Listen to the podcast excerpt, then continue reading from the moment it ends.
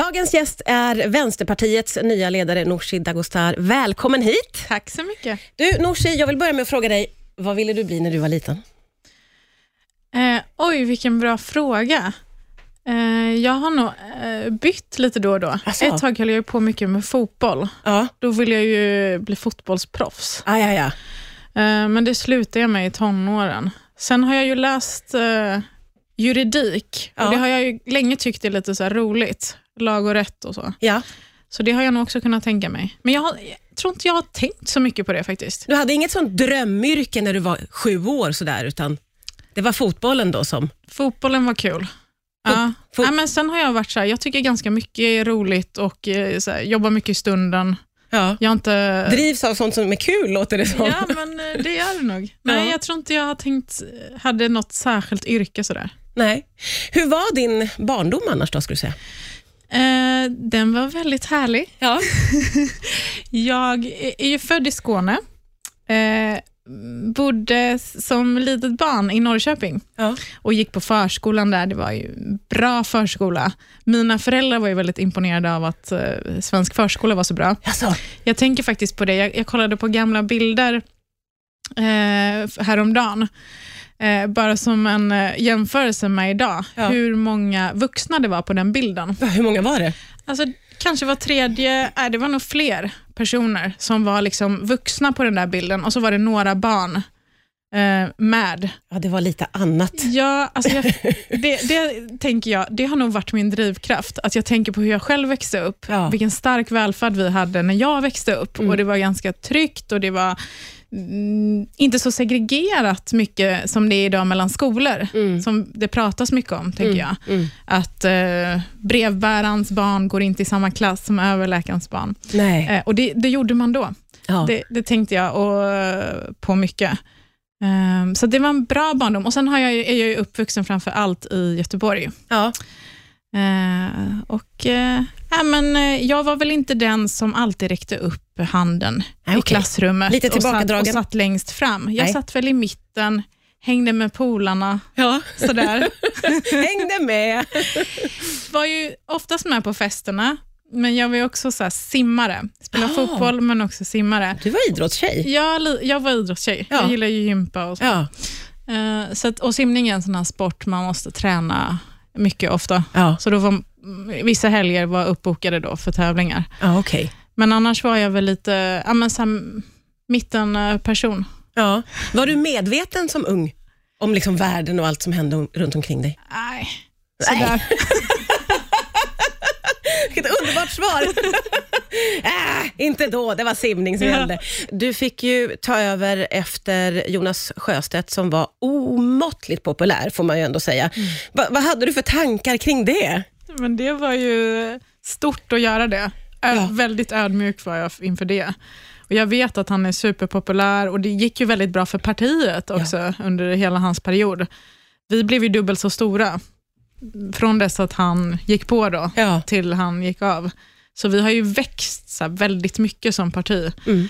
Eh, så det har ju varit eh, lite nervöst och stort att göra det. Ja, många skulle nog va- vara lite rädda för att kliva in i den rollen Ja. efter Jonas, men du hade inga sådana dubier. Jag har ju varit med länge. Jag, han är ju en vän till mig. Vi pratar ju fortfarande med varandra. Mm. Eh, och har sett honom jobba, jobbat med honom länge och så. Så det är klart, jag har ju sett vad det här jobbet går ut på. Ja. Och när man då har lite mer insyn i det, så kan man ju omvärdera på ett sätt, tänker jag. Men det är verkligen så. Han var ju så här, Sveriges populäraste Han var väldigt populär. Ja. Ja. Men vad har du kunnat liksom ta med dig från eh, det han har, hans arbetssätt, eller vad man ska säga? Har du kunnat liksom plocka något från det? Ja, men jag har lärt mig mycket av honom och hur man tänker. Jag sitter i det här verkställande utskottet, kallas det, så här yttersta ledning kan man säga i Vänsterpartiet. Då.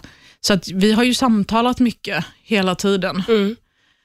Så jag har ju hängt med och sett mycket. Så det är klart man lär sig hela tiden i det här utbytet och samtalet, Mm. Tänker jag. Eh, och Sen får man ju säga det också, att det har ju gått väldigt bra för Vänsterpartiet eh, också sen du tog över. Hur skönt känns det? Nej, men vad trevligt att du säger det, Martina. Ja, men det, det kanske säger något om att också eh, våra värderingar och vår politik är väldigt uppskattat. Att det inte bara är person då. Det är klart att det är liksom, personen för ju fram politiken, men också politiken i sig har en väldig styrka. Ja. Eh, och det har jag, jag tycker att jag har märkt av också en vändning lite i Sverige. Att, På eh, vilket sätt?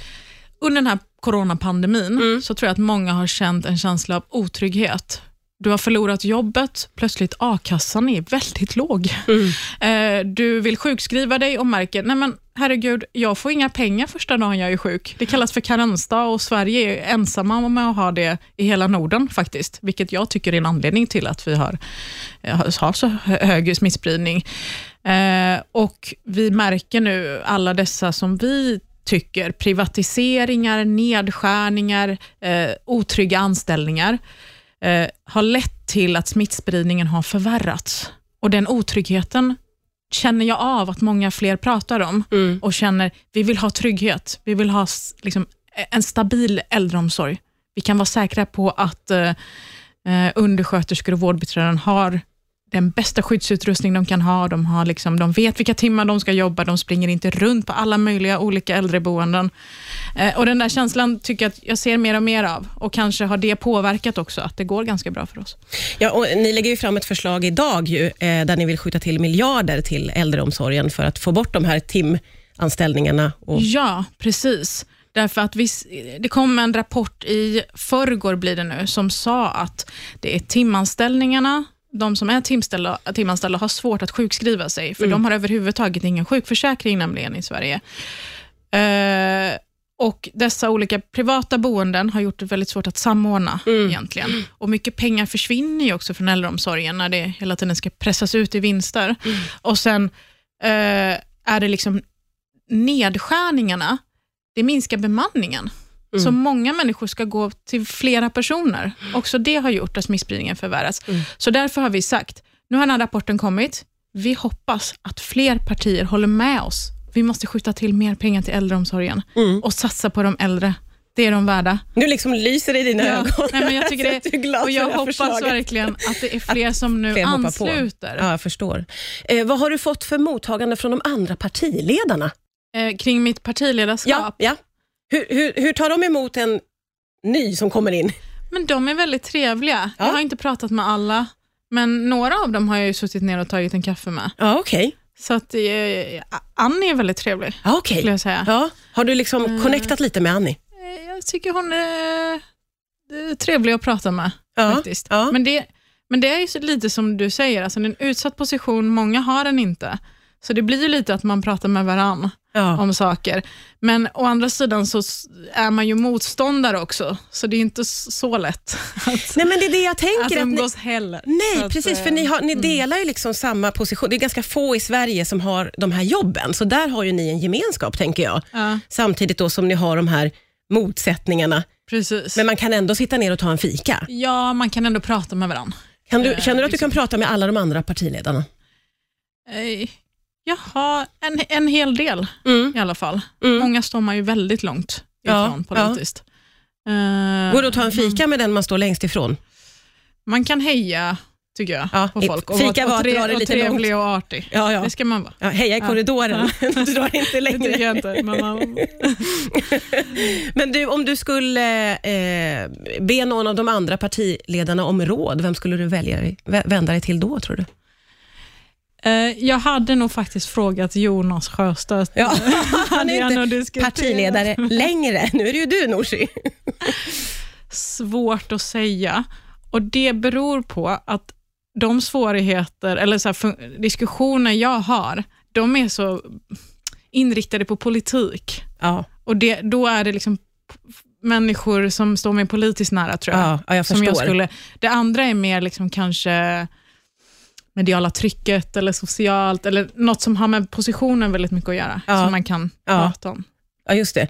Men om vi tar ner det till någonting mycket eh, mer basalt, alltså vilken bil ska man köpa eller hur ska man klä granen? Vem skulle du vända dig till då? Alltså då har jag ju andra vänner som jag behöver Man måste inte vara in- Jimmy inne. Åkesson det. inne och snurrar i riksdagshuset hela sitt liv. Ja, det är bra, det är bra. Det är skönt att höra. Eh, hur ser det perfekta fredagsmyset ut för dig, Nooshi? Men jag har ju en, en speciell tacovariant. Jaha. Eh, alltså såna tacochips på en plåt. Ja.